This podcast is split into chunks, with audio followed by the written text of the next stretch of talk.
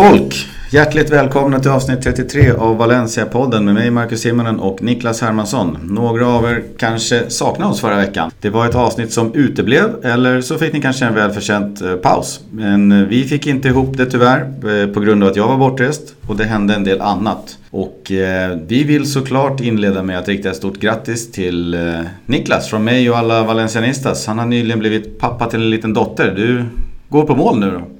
Ja, det får man väl säga. Man har varit inne och är väl fortfarande inne i den här lilla bubblan så att säga. Så det har varit eh, faktiskt eh, helt magiska dagar. Jag kan tänka mig det. Det är ju någonting eh, lite världsomvälvande när man får bli förälder till en liten sån där krabat. Ja, absolut. Ja, nej, det är häftigt. Ja, under tiden, vi ska väl, eh, Erik klev ju in där lite fint så vi ska även rikta ett stort tack till honom. Han klev in i avsnitt 32 för två veckor sedan. Eh, Superb, super sub. Vi behöver nog det för att dra runt den här podden och det är oerhört tacksam att han ställer upp och vi hoppas att vi får höra mer av honom i framtiden. Ja, han gjorde det med den äran tyckte jag. Det är mycket bra inhopp. Ja, eller hur? Eh, men vi börjar väl som vanligt. Ni känner igen agendan nu. Så vi slänger oss över de nyheter som har varit. Det är lite nyhetstorka kan jag tycka att det har varit. Men eh, det mesta är ju rykten om spelare in och ut. Det har funnits några grejer i alla fall. Adrian Santos, eh, spelaren som vi har kontrakt med till eh, 2020. Han befinner sig hemma i Brasilien där han i veckan avslutade sin lånesession hos eh, Sao Paulo. Han har hoppat på ett nytt nu med Clube Vitoria. Han lyckades aldrig få speltid hos eh, storklubben Sao Paulo och söker nu minuter hos ett lite mindre lag i den brasilianska ligan. Och samma serie i och för sig, men lite mindre. Ja, det känns som en spelare som vi nog aldrig kommer få se i Valencia igen utan att man försöker väl ha honom utlånad till kontraktet löper ut och eh, för att liksom i alla fall minska löneutgiften för honom. Jag vet inte om de har, tar 100% av lönen eller hur många procent det är men eh, det är väl bara en värvning som vi får skriva av och liksom eh, glömma igen. Ja, jag tror dessutom att han har en ganska låg lön på en miljon euro eller något sånt där. Eller ja, låg i de här ja, sammanhangen.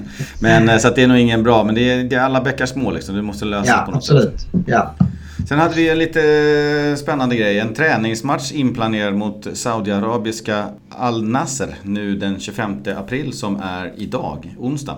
Men matchen blev inte av utan den flyttas till framtiden. Möjligtvis den 9 maj. Matchen ska hedra en spelare som heter Fahad Al Hurifi som är en saudiarabisk eh, för detta fotbollsspelare. Ingen som jag känner igen. Men Valencia får resan till och från eh, Saudiarabien betald och ytterligare 5 miljoner svenska kronor vilket såklart är välkommet i kassan och därmed även ett rekord för Valencia vad gäller ersättning i träningsmatcher. Vad är din spontana åsikt om eh, träningsmatcher av den här sorten? Alltså rent spontant så tycker jag bara det är rent skit med den här typen av träningsmatch om jag ska vara helt ärlig. Det enda som liksom gör att det blir kanske 80-20 tudelat, att det är 20% positivt, det är väl det ekonomiska så att säga. Men jag tycker ändå det är en tråkig väg som fotbollen är på väg när man ser den här typen av träningsmatcher mitt i säsongen. Och det blir bara liksom så uppenbart att det bara är business inblandad. Mm. Lägger man då sen till att Valencia liksom åker till ett Saudiarabien som, som i sig kanske inte liksom är eh, världens eh, mest eh, ja, hur ska man uttrycka det, folkkära eller demokratiska land heller så, mm. så finns det väl ännu mer eh, bitar och liksom eh, tänka på där med, med liksom hur man som klubb ska vara ett föredöme och vad för signaler man skickar med det här och sådär. Eh, och först när man såg att den liksom låg här nu den 25 april, det dessutom eh, när det liksom Valencia in i, i en intensiv eh, fas i ligan här och där ingenting är klart egentligen så kändes det ju bara helt idiotiskt. Så det, det, var ju ändå lite positivt att man liksom tog förnuftet till fånga där och flyttade fram det här två ve veckor till den 9 maj istället och då man förhoppningsvis kan ha säkrat CL-platsen och kan åka ner lite mer avslappnat kanske. Men jag, jag jag ställer mig absolut emot den här typen av träningsmatcher egentligen. Ja, jag håller väl med i sak. Sen så får man ju förlika sig någonstans att det är så här det funkar. Alla, alla lag tar betalt för sina träningsmatcher och Valencia har väl inte det starkaste namnet på marknaden så och kan träningsmatcha runt. Jag menar Brasilien ja. tar ju jättemycket betalt för sina träningsmatcher och vad finns det annars för anledning att de ska komma till Sverige eh, och träningsspela mot Sverige egentligen? Det är bara för att Sverige nej, nej, jag håller med. Jag håller med. Alltså det, är ju, det är väl någonting som vi får vänja oss vid. Att det är så fotbollen fungerar så att säga. Och då ska ju liksom inte Valencia kanske vara alltför eh, naiva eller blåögda och liksom inte, inte få in de här pengarna också. Men eh, av, det är mer av principsak så att säga som jag är emot. Ja, exakt. Ja, jag håller med. Eh, det är mot mina eh, önskade principer i de här fallen. Nu inte jag med och väljer om de ska spela eller inte. Men sen så jag är ganska övertygad om att det handlade om Champions League-avancemanget eh, som gjorde att ja. de ställde in den här. För tänk dig åka dit och så trampar Rodrigo snett och, och blir borta i sommar. Jag menar, det, det funkar ju inte. Nej, nej menar det är ju ändå en liten... Eh, det är ju liksom inte nästgård Saudiarabien så det är ju liksom en resa hit och dit. Man behöver ändra hela träningsschemat och eh, sen ska man då åka hem igen på torsdagen kanske så eh, blir det lite kortare uppladdning inför helgen och sådär. Så att nej, det var väl positivt i alla fall att det, det blev den 9 maj istället när det bara är... Det är väl bara två omgångar kvar då, något av ligan också så. Om vi blickar lite framåt mot sommaren så kan vi väl heller inte bortse från det faktum att en av Valencias största konkurrenter, Sevilla, som vi väl ändå får kalla eh, kanske den allra största kon konkurrenten i, i konkurrens med Atletico Madrid kanske. Eh, de ser ut att kunna missa sitt Europaspel helt och hållet kommande säsong. Eh, det skulle ju sätta Sevilla i en prekär sits inför, inför deras eh, satsning till eh, 2018-2019 och lite ombytta roller kanske där, där Valencia får en större budget att röra sig med, med ett förhoppningsvis då säkrat CL-spel medan Sevilla får en starkt begränsad budget att röra sig med. Eh, det var ju, de senaste åren har det varit precis tvärtom om man säger så. Ja, så, det verkar vara en tränarkarusell där också snart med Montella, Montella som ska bort och får se vad som händer. De har tagit eh, Valencias roll där om man säger mm. så. Och sen det rent sportsliga ska man väl heller inte förringa liksom att eh, Valencia kan komma och erbjuda eh, spel i Champions League förhoppningsvis. Vi ska liksom inte jinxa något här innan det är klart. Eh, medan då Sevilla kanske inte ens kan erbjuda spel i Europa League. Så att det känns som Valencia den här säsongen har sprungit ikapp och kanske också då sprungit förbi Sevilla igen och kan, kan vara den här mer självklara utmanaren i, i, i topp 4 igen som man, som man borde vara. Som man också rent historiskt sett har varit. Ja, faktiskt lite spännande. Det är ju som du säger vår, kanske den blodigaste konkurrenten just exakt med om man kollar vilka medel man har att röra sig med och vilket skikt av tabellen. Man får ju ändå säga att Real Madrid och Barcelona är ensamma där uppe. Men sen så är det ju två, tre, möjligtvis fyra lag där bakom. Och, där är ju både Valencia och Sevilla. Så det är ju en viktig, viktig konkurrent kombatant. Precis, och det känns ju som Atletico har ju liksom sprungit förbi Valencia med lite mer marginal de senaste åren. Man har mm. ju prenumererat topp tre eh, många år och man har liksom varit i semifinaler och finaler i Champions League och så här. Så att det är, det är fortfarande en bit kvar för Valencia att nå dit. Eh, men, men ändå, Sevilla har man liksom kunnat springa ikapp redan på en säsong. Så det, är, det är väl ändå positivt att man, man i alla fall kan bita sig fast topp fyra. För det, det, det, kan man ju också se liksom att eh, det gäller ju att prenumerera på de här Champions League-platserna och de pengarna som ramlar in år efter år efter mm. år för att kunna bygga upp någonting. För att kunna liksom, om, om kanske ett, två år kunna vara med och utmana på riktigt med, med även de, de liksom två, tre allra största i ligan. Såg en sjuk grej idag faktiskt, eh, en litet sidospår. Gällande Atletico, han eh, Diego Simeone. Jag tänkte att han eh, behöver väl snart nappa på något av storklubbarnas lockrop. Men snubben tjänar 23 miljoner euro per år och är tredje bäst betalda spelaren i hela Europa efter Mourinho och Lippi. Eller Europa, Lippi är väl i Kina då? då. Ja, just det. Alltså de pungar ju ut en oerhört stor del av sin eh, lönebudget på Simeone. Mm. Ja, och egentligen så kan jag köpa det rakt av. För att det, du, du, du, kan egentligen ta vilken spelare som helst ur Atletico skulle jag säga. Mm. Eh, och det kommer märkas betydligt mindre än om du skulle ta bort Simeone därifrån. På det. Han, han, han, han har ju blivit mer än en tränare känns som. Han mm. har liksom blivit en symbol för hela klubben på något sätt. Mm. Så jag, jag tror även kanske han själv också känner att eh, men det han har gjort i, i liksom Madrid och göra det någon annanstans. Eh, alltså återupprepa det på något sätt det kommer ju vara väldigt, väldigt svårt för att det var ju liksom många stjärnor som föll, föll på plats samtidigt när han liksom kom hit och har ju fått maximal utdelning känns det som med, med, med ligaguld och alla framgångarna i Champions League och sådär. I min bok är han värd de pengarna men jag tänkte bara vi när vi brottas med Negredos lön på 5-6 miljoner euro liksom. Ja, Den där mycket lön på 4 miljoner. Diego Simeone tjänar 23. Det är helt ja. sjukt. Men det är väl också där, där man liksom återigen inser eh, att Valencia är så pass långt efter liksom, mm. även Atletico. Alltså att vi är långt efter Barca och Real, det har väl alla koll på. Liksom. Eh, det, så har det ju varit historiskt sett också. Sen har väl skillnaderna och klyftorna ökat ännu mer de senaste åren kanske. Men jag tror kanske inte att alla är lika medvetna om hur långt efter vi faktiskt är Atletico också rent mm. ekonomiskt. Men vi har påbörjat en resa framåt. Absolut. Precis som Peter Lim har gjort. Han, han har varit i Europa eh, sedan i helgen och han har varit i Milano var väl den stora grejen. Han åkte dit. Eh, det, vi har ju snackat om det i podden. Eh, italienarna har ju vad det verkar velat omförhandla eh, kontraktet med Cancelo där de ska köpa loss honom. Eventuellt vilja köpa honom efter Financial Fair Play. Dörren stänger ihop och så vidare. Valencia har ju då sagt nej men det verkade tydligen inte riktigt räcka då, då för att Peter Lim flög dit med sin privatjet och träffade Inters sportchef Piero Ausilio för att prata lite kring ja, Cancelo och Kondogbia där då. Och ganska direkt efter deras möte så gick Piero ut med citat Vår avsikt är att aktivera köpklausulen på Joao Cancelo och i så fall behöver vi inte omförhandla någonting alls. Så jag tror bara att han, Peter Lim åkte dit och bjöd på en liten uppsträckning där liksom. Vad, vad är det som pågår? Är det något trassel grabbar? Ja, nej, exakt. Nej, jag kan väl också tänka mig, men har man sett Cancellos vår här framförallt mm. så kan jag väl också tänka mig att Peter Lim har kanske varit ganska tydlig med att Valencia har liksom inget, sitter inte i någon rävsax här med att tvingas sälja till Inter. Utan om inte Inter vill ha honom enligt det här avtalet som de har, där de får honom faktiskt till ett bra pris skulle jag mm. säga eh, så finns det säkerligen andra som kommer vilja köpa honom i sommar. Ja, jag kan tänka mig att Peter Lim också liksom stövlar in i rummet och säger Pierov, vi satt här för ett halvår, ett år sedan och skrev ja. på svart på vitt här på pappret. Ni köper Cancelo det här datumet till den pengen. Vad är det för strul? Precis. Så när han, storchefen klampar in där så, så, tog det bara några minuter innan eh, officiella uttalandet kom att det finns ingenting att förhandla om. Nej, nej, men det jag kan tänka mig att det har varit liksom ett ultimatum att antingen så gör ni enligt det här kontraktet som finns att ni har mm. chansen på er till sista maj och gör ni inte det, nej då liksom öppnar ni upp för förhandlingar med andra klubbar och då är det en helt annan prislapp vi pratar om och då, då liksom drog väl inte öronen åt sig så att säga och insåg mm. att eh, här ska man nog inte bråka. Nej, sen kan vi säga att eh Peter Lims små flygresor runt om i Europa, det brukar ändå ge små inblickar i vilka lag Valencia letar efter spelare i. Eh, det skrevs ju dessutom idag onsdag att eh, Lim hade ett inbokat möte i Paris med Sheikh Nasser, PSGs ägare. Och det handlar ju såklart om eh, Guedes, det är han som finns på agendan där. Men jag tänkte om vi kollar på resan so far, vad han har varit och så kan vi fundera lite kring vad som har hänt på de här olika stoppen.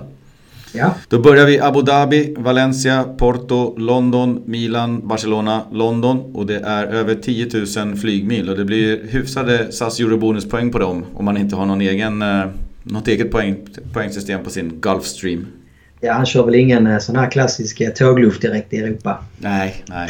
Men det där är en bra sträcka. Så det, är, det är på en vecka eller knappt under en vecka. Det var ju i helgen här han var och kollade på matchen. Ja, och sen så efter det så har han flygit runt. Men London, eh, ett av de första stoppen. Han såg Europacup, nej fa Cup-finalen mellan Tottenham och Manchester United. Hade en middag efteråt med Giggs och bröderna Neville. Det är det man vet. Sen har det funnits lite möten. Men frågan är vad? Lite snack kring eh, två spelare har det varit där då. Eh, otroligt lösa rykten så ta oss inte på orden här. Men vi, vi känner att vi spånar lite i alla fall. Serge Aurier, en 25-årig högerback från Tottenham.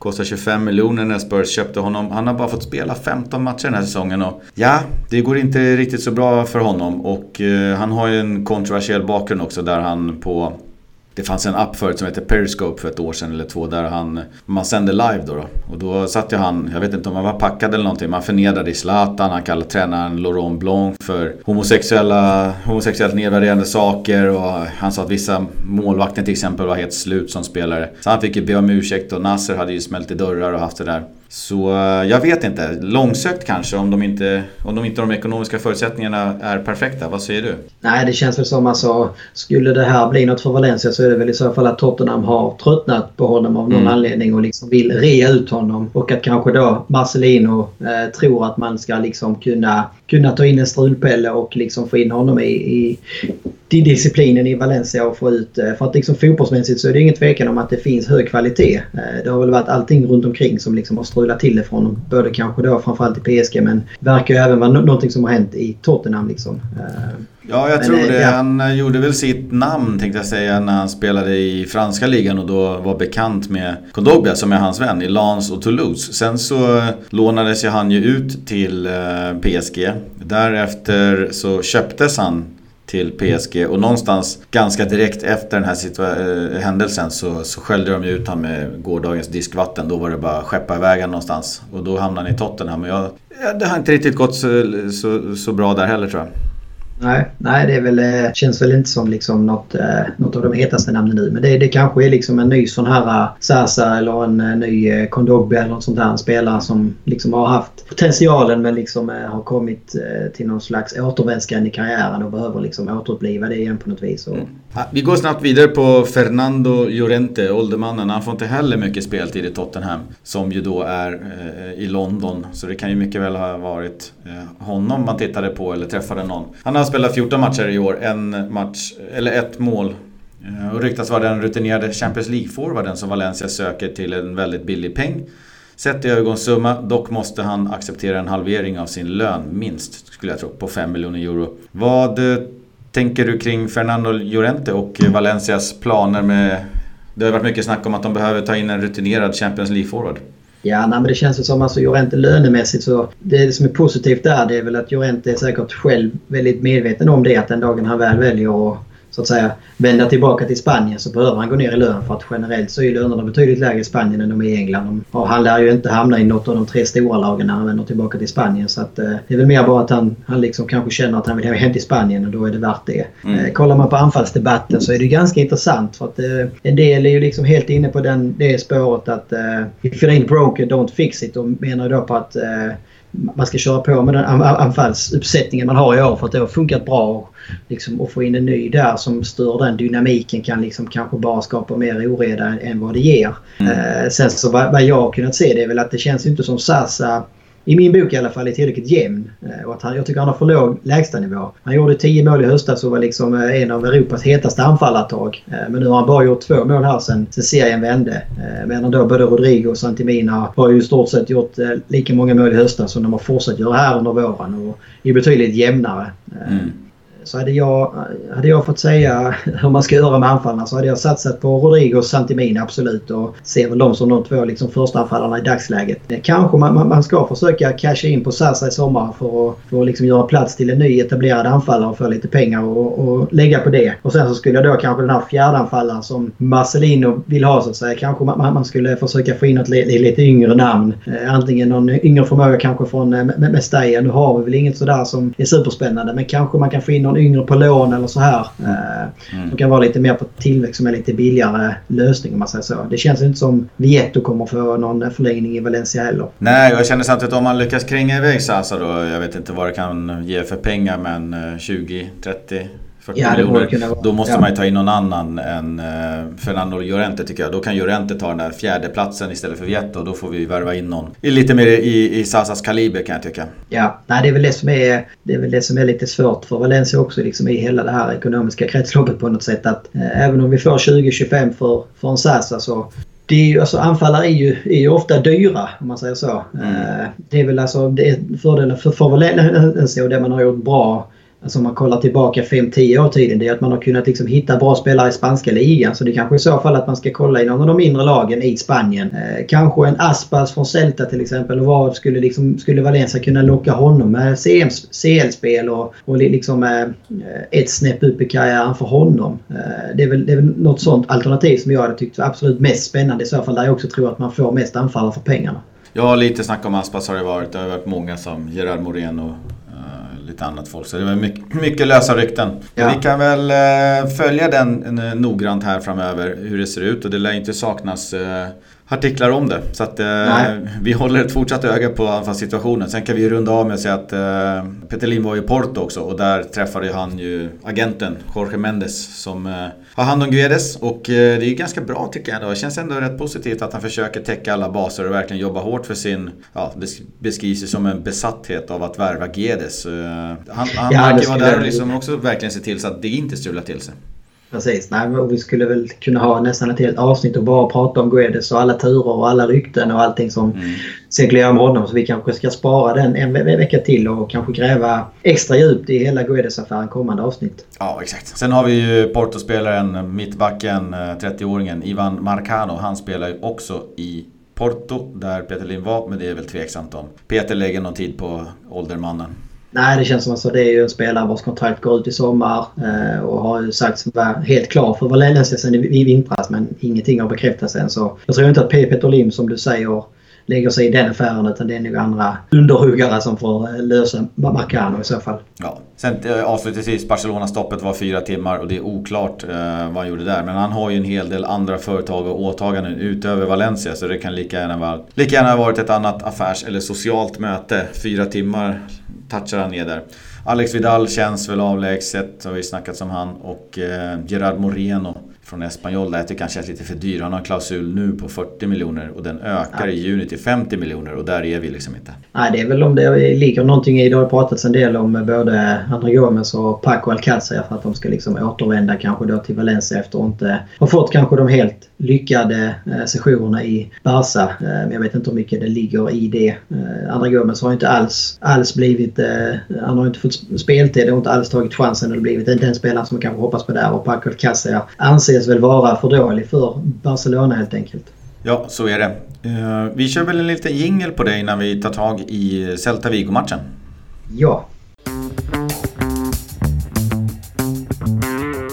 Ja, en liten poäng blev det mot Celta Vigo. Eh, matchen slutade 1-1 och Santemina först och sen var det Maxi Gomes som kvitterade och det känns som en liten, liten poäng. Går man in på xgoalsunderstats.com som vi har pratat om tidigare så skulle Valencia ha vunnit matchen med 0,8 till mål till Celta Vigo och 2,36 till Valencia. Det är ganska övertygande siffror. Och chanser att vinna matchen det fanns det gott om. Ferran Torres var ju helt ren framför mål. Vi hade Kondogbia fri med en retur. Vi hade Pereira fritt läge från högerkanten. Gedes, ja, skott över som vanligt i fritt läge med mera. Vad, vad tar du med dig från matchen?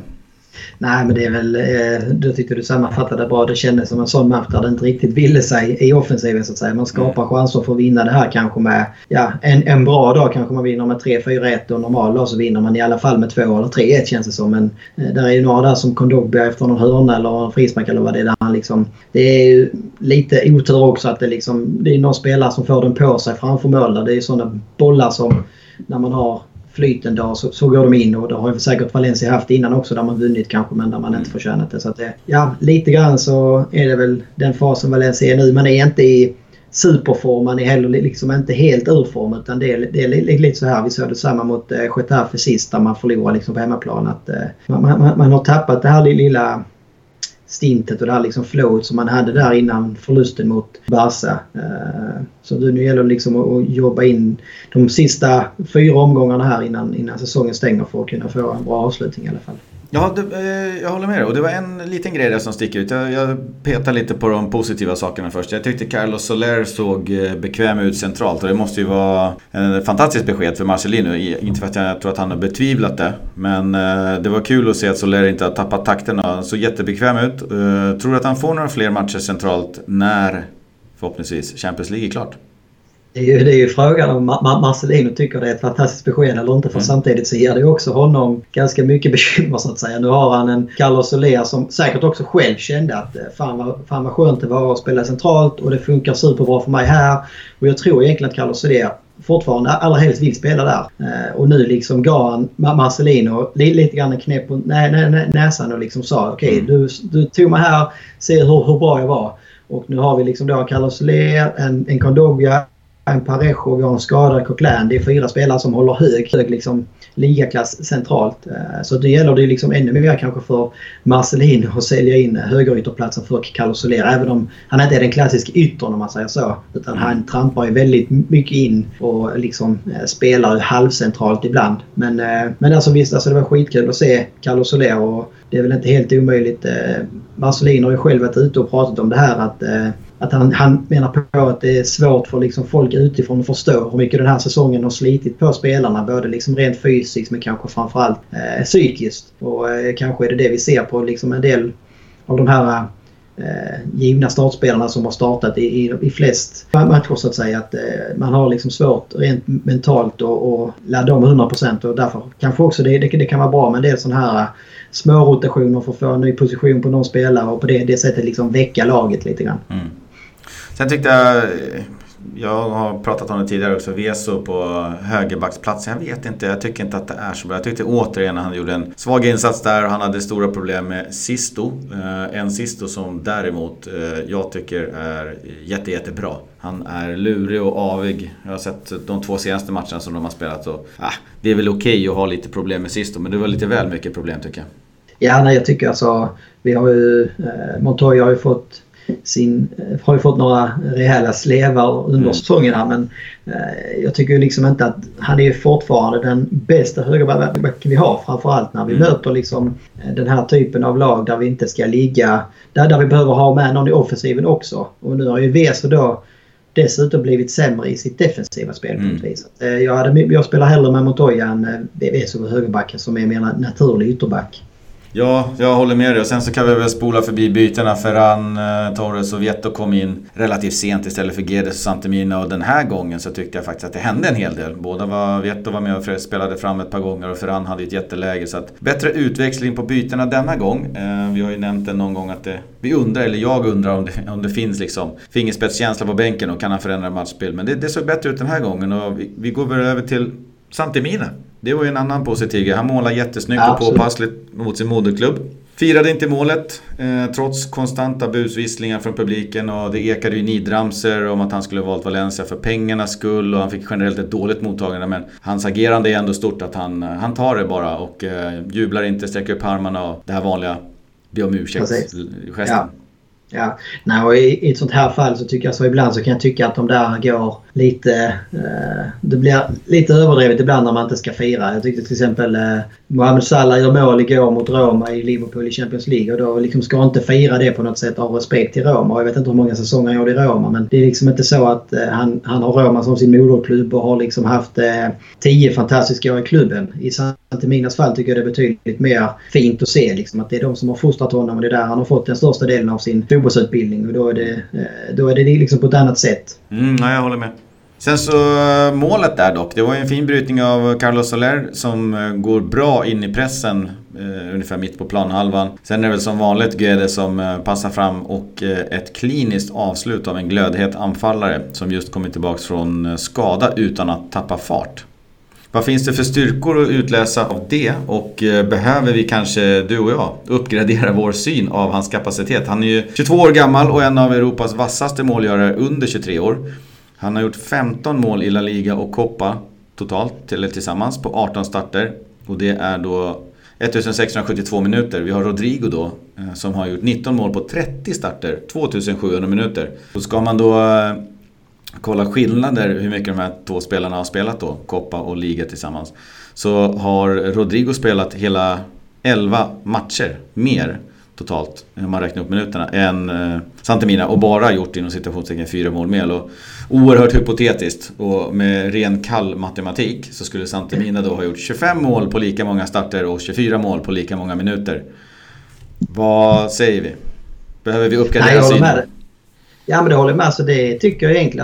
Alltså, jag tycker att det, det, det man har sett hos Santimina denna säsongen är också en enorm utveckling. Alltså, mm. Både denna säsongen jämfört med tidigare säsonger men framförallt under säsongen. För kollar vi i hösten så tyckte jag att vi, vi var ganska bra på det. Att Santimina var som bäst som inhoppare. Kollar man när han gör sina, sina mål under hösten så var ju 90% av dem skulle jag nästan säga utan att ha statistik framför mig när, när han hoppade in i match. Och han kom in med sin energi, med sin spelstil. Backlinjen började bli lite trötta och han liksom fick de här extra ytorna och var liksom rapp i steget. Eh, när han fick chansen från start då i höstas så såg han ofta, oftare ganska blek ut och kom inte alls till sin rätt. Eh, men efter skulle framförallt liksom efter eh, jul och nyår på något sätt så inledde han ju året här strålande och tog ju med all rätt också över liksom en startplats och levererade även från start. Mm. Sen så ska man jämföra honom och Rodrigo så tycker jag det är svårt att bara jämför man bara mål så, eh, så är ju liksom, då säger statistiken allt egentligen. Men, men Rodrigo bidrar mer i spelet kan jag, jag, jag, jag tycka och där har väl,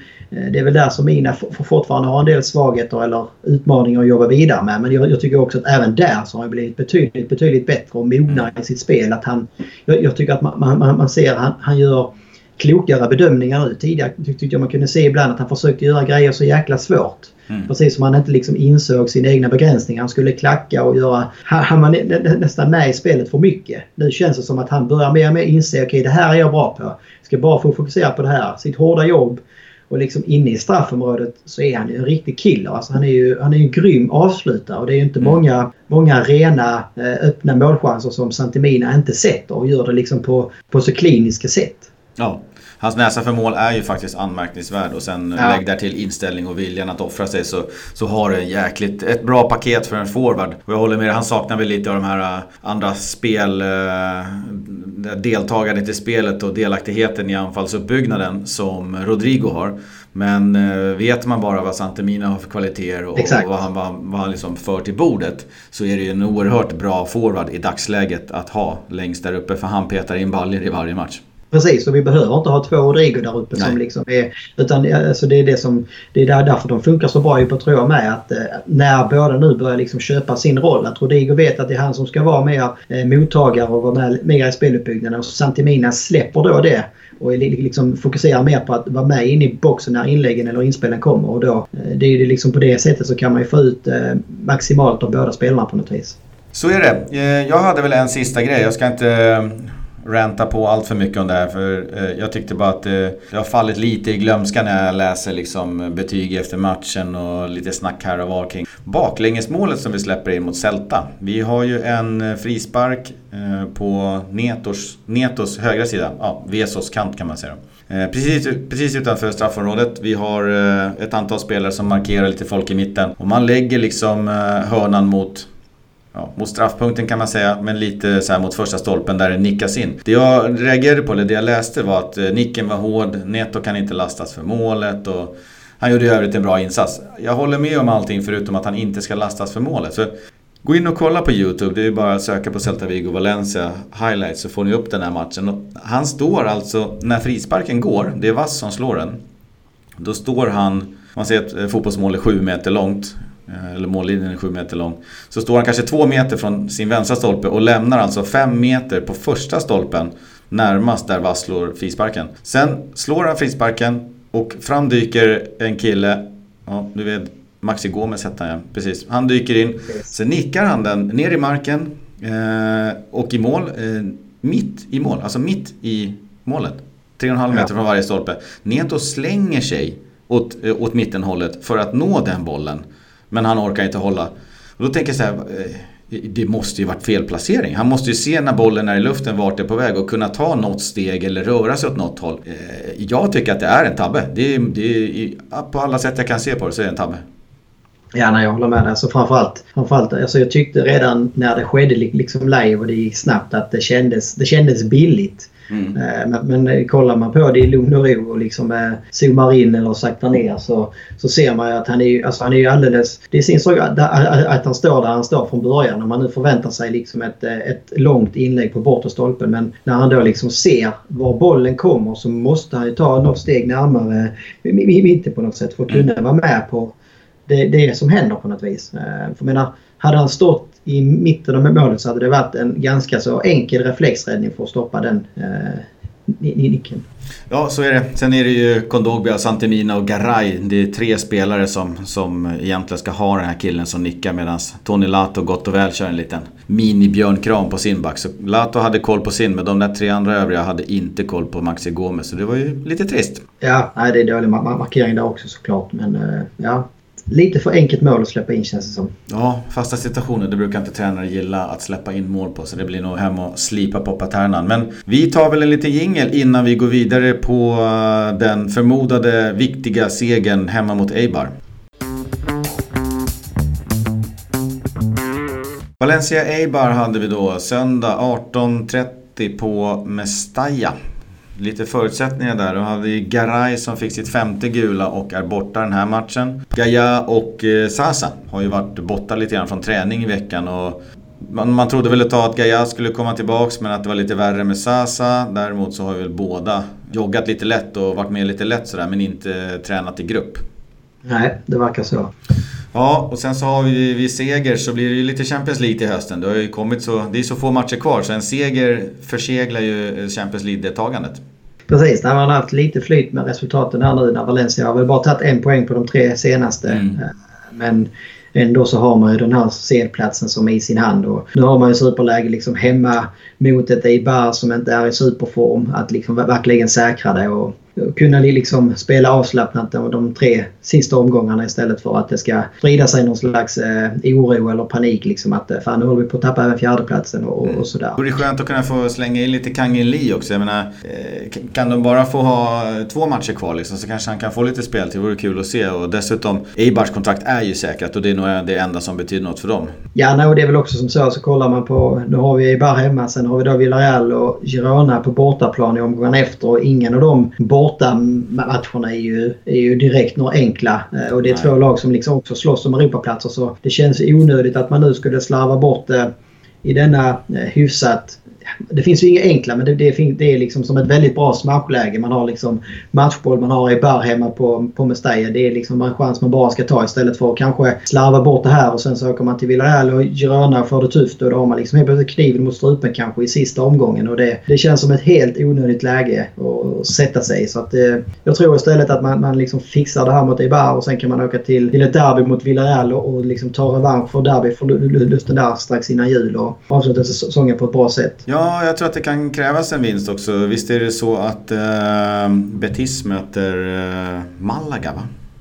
Det kan nog stämma ja. Ett avsågat Malaga som, som redan är uh, klara för att flytta ner och då vet man inte vad det finns för motivation. Alltså vi får väl utgå att Betis vinner mot Malaga hemma och då krävs det ju en uh, seger mot Eibar. Annars så är försprånget uh, direkt 9 poäng.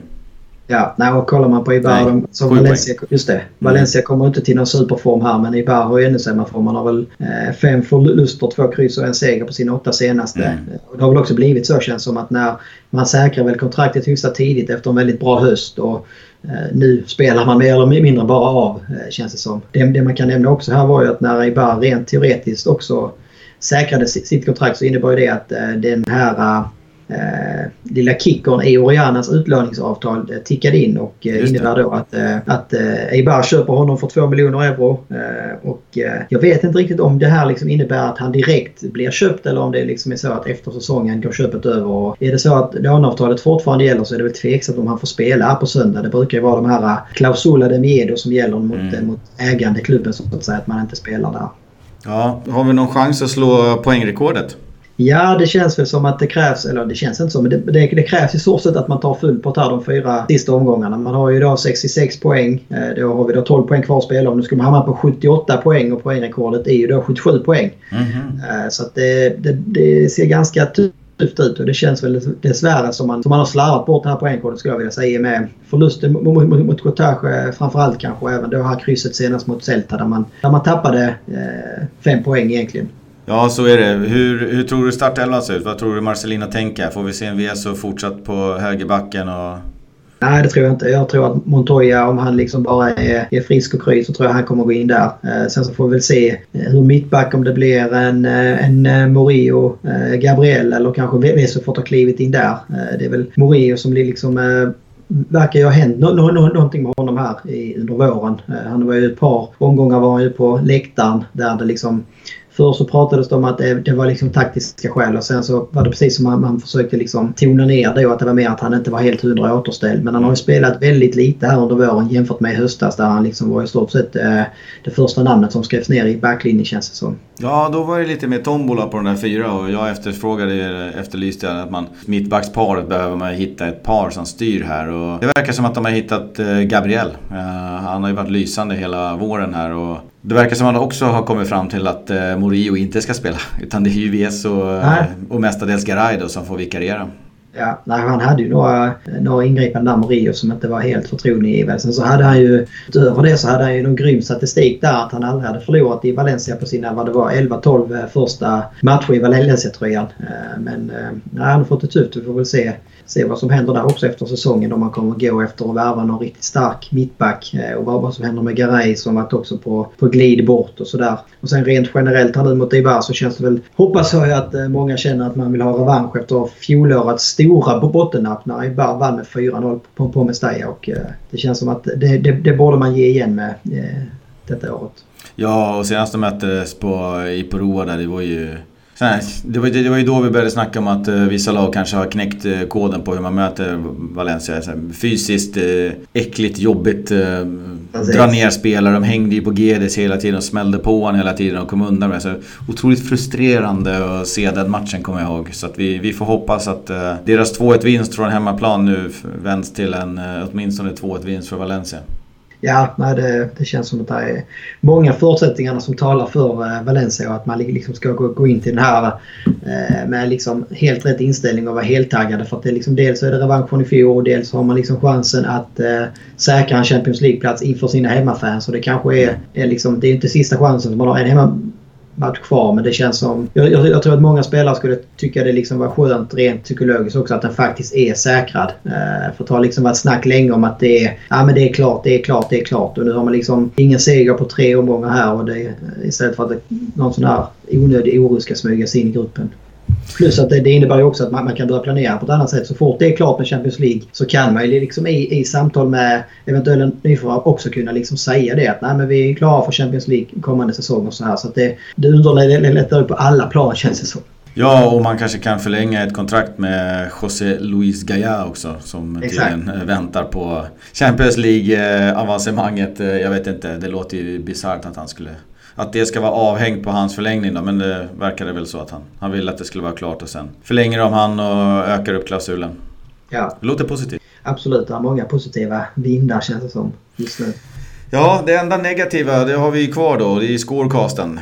Går ju inget vidare här va. Eh, Fyra omgångar kvar nu. Det gick lika bra förra gången mot Celta när vi inte tippade som det brukar gå när vi tippar.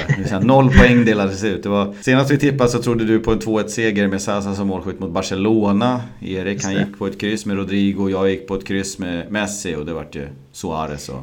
Vad var det? Suarez och förlust så att det var noll. Noll poäng rakt över. Noll poäng, men eh, vi gör väl som så att jag börjar tippa mot eh, Eibar. Så ska vi se. Då ja. tror jag på att det blir bra det här. Jag tror att det blir en 3-0. Och jag måste ju sätta de här målskyttarna nu. Det var inte igår. Vi, vi kör på med en Rodrigo. Du ställer du till lite för mig där. Jag hade, ja, det är bra. Uh, ja, men jag säger 4-0 då. Uh, vi upprepar, vi liksom slår tillbaka med samma mynt som... Det brukar hända faktiskt. I bara gjorde i fjol.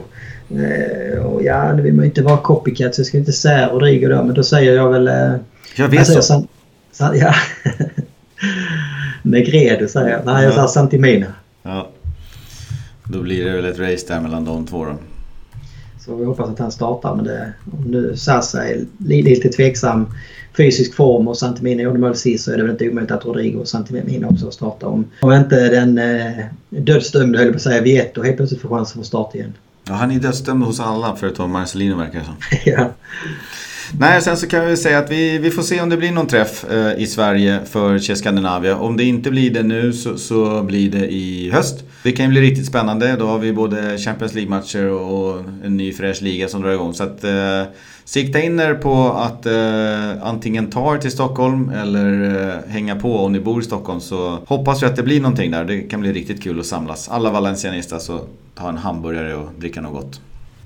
Precis, och vi får väl också ha lite, hålla li, lite tummar när då dels ett Valencia säkrat Champions League och två att det även är kanske något nordiskt lag som liksom tar sig till Champions League. Det hade ju varit eh, den ultimata träffen och eh, kanske träffas i, i Malmö och se Valencia, Malmö FF eller mm. eh, Bröndby, Valencia eller något sånt där. Det hade varit kul att se, få en match i Norden igen för eh, Valencia, en, en tävlingsmatch. Så det var många år sedan sist. Ja, och sen så kan jag ju rekommendera att gå med i Che Scandinavia. Det var 10 euro eh, för deltagandet där och de har ju planer på att anordna någon resa. Antingen i Norden om det blir kval då. då. Eh, men annars så en resa på en Champions League-gruppmatch i Valencia. När Valencia spelar hemma en av de tre gångerna. Och det är som sagt, de kommer in på arenan när spelarbussen rullar och de får ju ett kungligt mottagande av klubben, hela Chess Scandinavia. Eftersom det är en officiell penja. Så eh, rekommendationen är väl att eh, försöka gå med där. Gå in på cheskandinavia.com. Var med där. Sen så i höst när resor och annat bokas och Champions League förhoppningsvis är klart så då kanske det är för sent. Vem vet? Precis, exakt. Vi vet vart vi finns för det här laget. Vi finns där poddar finns som de brukar säga så fint. Ja, vi finns där poddar finns och vi finns lite där fotbollssupportrar hänger. Eh, och andra ja. människor också. Facebook, Twitter och Insta. Eh, så vi försöker lägga ut lite matnyttig information där. Men det var en eh, stor ära att ha dig med igen Niklas. Så får vi se ja, väldigt kul vi petar in Erik någon gång och så kanske någon gäst här på våren. Så fortsätt hänga med oss. Men vi avslutar väl med ett vanligt hasta luego. Hasta luego.